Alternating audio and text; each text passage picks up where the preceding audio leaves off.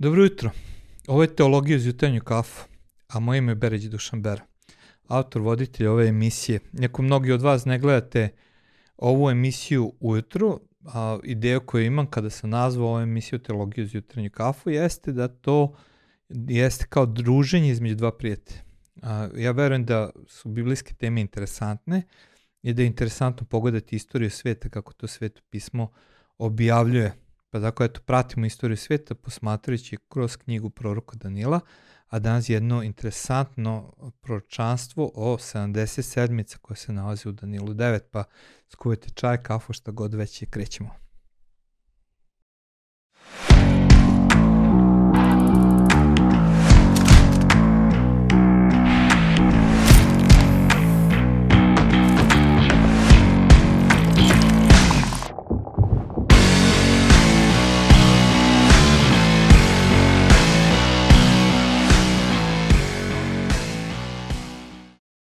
Teologija uz jutarnju kafu želi da približi teme iz duhovnosti.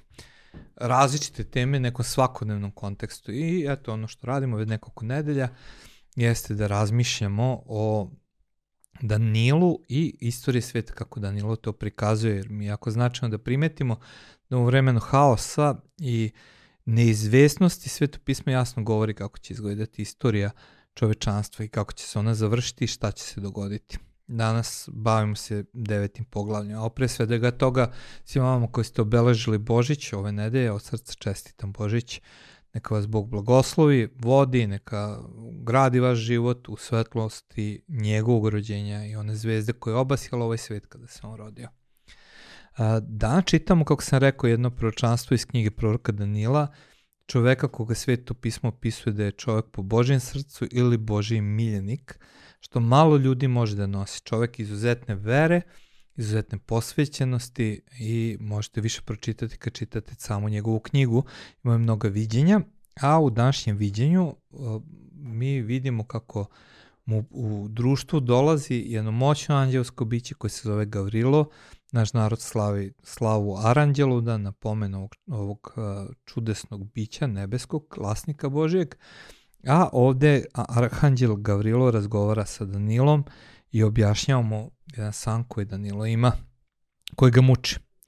I taj san kaže ovako, 77. određena je tvom narodu i tvome svetom gradu da se okonča prestup, da se dokače greh, da se izvrši pomirenje za zlodela, da se uvede večna pravednost, da se zapečeće viđenje proroci i da se pomaže sveti na svetima.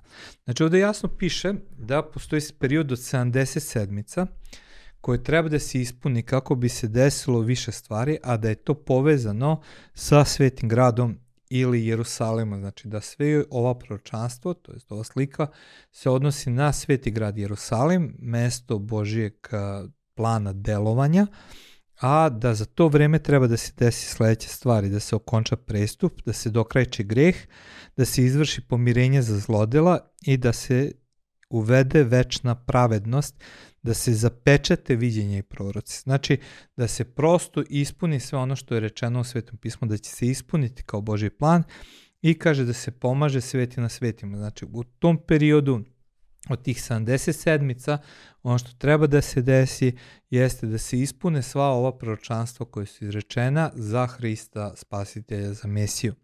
Ono što je dalje značajno da se primeti, da bismo uopšte mogli da razumemo ovaj tekst jeste da ovih 70 sedmica nisu a, 70 puta 7 dana. Znači ne radi se o periodu od 70 puta 7 dana, nego u ovom tekstu upotrebljava se reč koja na hebrejskom se kaže šabuim, koja se upotrebljava za 70, to je za sedmicu od 7 godina, a kao na primjer u 3. Mojsijevo 25.3 do 4 govori se o subotnjoj godini, znači a, jevreji su računali vreme tako da je svaka sedma godina bila posebna godina ili godina jubileja ili godina kada bi zemlja, ako bi obrađivali zemlju, bila ostavljena da se odmara. Znači, celokupna istorija jevreskog naroda je na neki način podeljena u te periode od po sedam godina, je sedam je oznaka savršenstva, punine, Božeg delovanja i tako je bilo podeljeno. I sad, na primjer, kada uh, u drugoj letopisa 36.21 a, Bog dopušta da jevreji iz Jerusalima budu odvedeni u ropstvo u Vavilon. On kaže da će zemlja da se odmara 70 godina a, za period kada jevreji nisu držali njegove zapovesti, što nas dovodi do perioda od 490 godina. Znači 70 godina kao s, nadoknada za godine kada zemlja nije mirovao, što je svaka sedma godina, što vam govori 70 puta 7, to je 490 godina. Znači 490 godina jevreji su bili u ropstvu, su otplaćivali, to je 70 godina, jevreji su otplaćivali 490 godina neposlušnosti, a sad Bog Danilu daje proročanstvo o sledećih 490 godina kada treba da se ispuni Božji plan za izraelski narod. Znači o čemu se radi, ponovo naglašavam, 490 godina Božijeg plana za izraelski narod. I šta tamo piše? Znaj razumi, od moment kad bude izdata zapovjed da se obnovi izgradi Jerusalim do pomazanika, zarez, vladara, zarez, proći će 7 sedmica i 62 sedmice. Biće ponovo izgrađen sa trgom i opkopom, ali u vreme nevolje. A posle 62 sedmice pomazanik će biti pogubljen i neće imati ništa. Narod vladara, bratite pažnju razlika vladar i pomazanik, koji će doći uništit će grad i svetilište i kraj će doći kao potop, do kraja rata određeno je pustošenje. On će sklopiti save sa mnogima za jednu sedmicu, a polovinu te sedmice okončat će žrtve i prinose. Na vrhu hrama biće grozota pustošenja, dok se kraj koji je određen ne obori na pustošnika.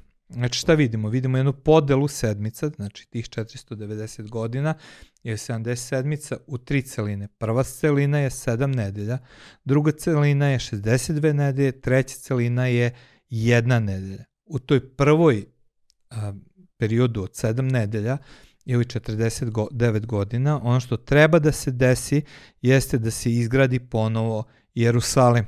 Ja sad kad čitamo knjigu proroka to je ne proroka, već čitu Nemije i Jezre i ostalih, zidine su relativno brzo izgrađene, ali celokupna od, obnova Jerusalima je trajala mnogo, mnogo duže i na osnovu ovog proročanstva ispada da je trajala u periodu od 7 godina. Posle tih 7 godina, do, to je 7 puta 7 godina, ili 49 godina, posle tog perioda od 7 sedmica dolazi period od 62 nedelje koji se završava sa nečim konkretnim. E sad, ono što je značajno, zašto je ovo proročanstvo interesantno, zato što mi imamo konkretan moment kada ono kreće da se dešava.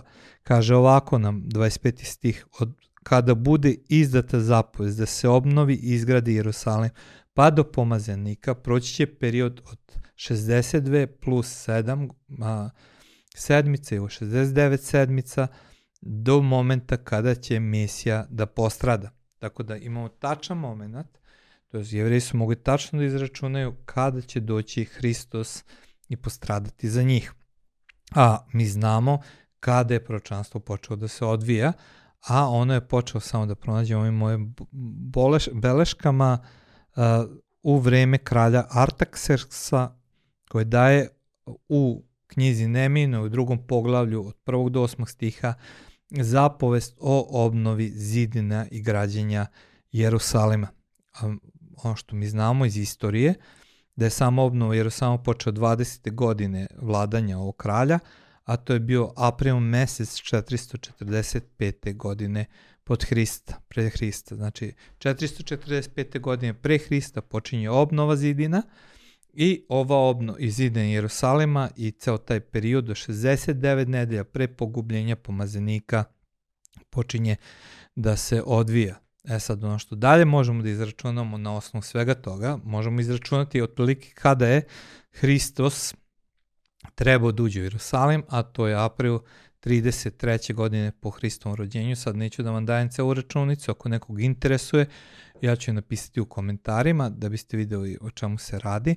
Sada stvarno da se bacam brojkama, samo ću više sebe zapetljati i nećete moći da me pratite, ali na osnovu ovog proročanstva mogu se odrediti da će Hristos 33. godine a, ući u Jerusalim i ovo se otprilike poklapa sa momentom kada Hristos kao car ulazi u Jerusalim jašući na Magaretu. Jedini moment kada Isus prima čast cara, kada se proglašava caram, ponizni carem, jeste taj konkretni moment. A ono što nam dalje piše, jeste vezano za to za, zašto će biti pogubljen i kaže ovako, kaže pomazanik će biti pogubljen i neće imati ništa, a drugi prevodi kaže pomazanik će biti pogubljen, ali ne za sebe, nego za nas druge.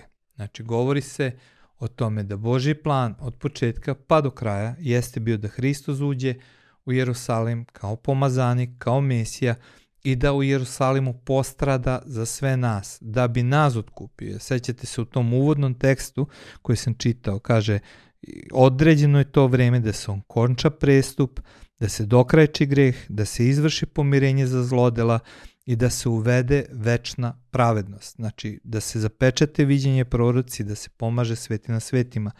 I manje više, da se dokrajči greh i sve ove stvari Hristos je svojom smrću i uradio za nas, ali ono što se nije desilo, da nisu završena viđenja i proroci i to je tekst koji se tiče poslednje sedmice. Znači, posle pomazenika, posle smrti Hristove, dolazi vladar, taj vladar uništava Jerusalim u potpunosti.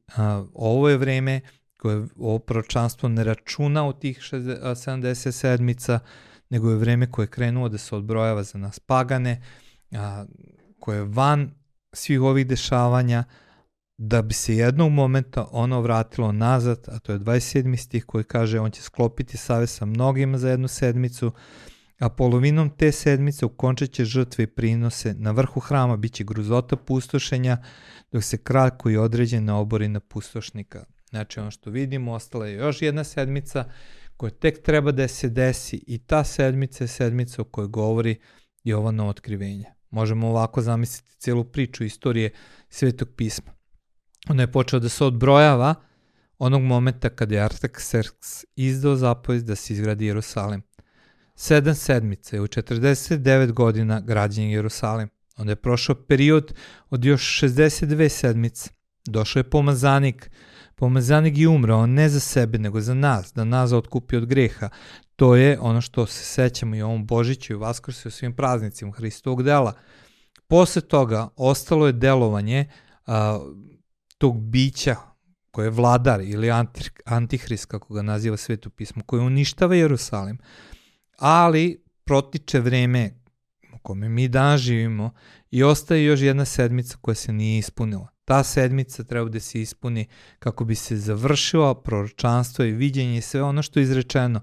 To tek treba da dođe. To je period koji je pred nama, koji se bavi otkrivenje Jovana, o kome ću govoriti sledeće nedelje, kad ću govoriti o Antihristu, o biću koji će se usprotiviti samom Bogu, i kako piše za njega da će ukinuti prinos, da će sebe proglasiti Bogom i da će sam pokušati da vlada. To tek treba da dođe. Znači, ostao još sedam godina koje treba da se ispune, o kojima će govoriti sledeće nedelje. Ali ono što sam dan žao da vam pokaže, da je sveto pismo od početka do kraja isplaniralo istoriju ljudskog roda i da sve vodi ka kraju te istorije. Znači da Bog planira, kako ovde kaže, da se sve ispuni i da se kaže da se okonča prestup, da se dokrajči greh zaovek, da se izvrši pomirenje za zlodela, da se uvede večna pravednost, da se zapečete viđenje proroci i da se pomaže sveti na svetina.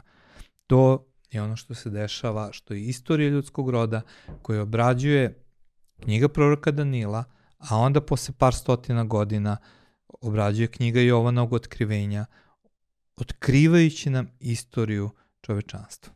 Ovo je bilo Teologija za jutarnje kafu. Podržite nas, lajkajte, komentarišite i vidimo se za nedelju dana.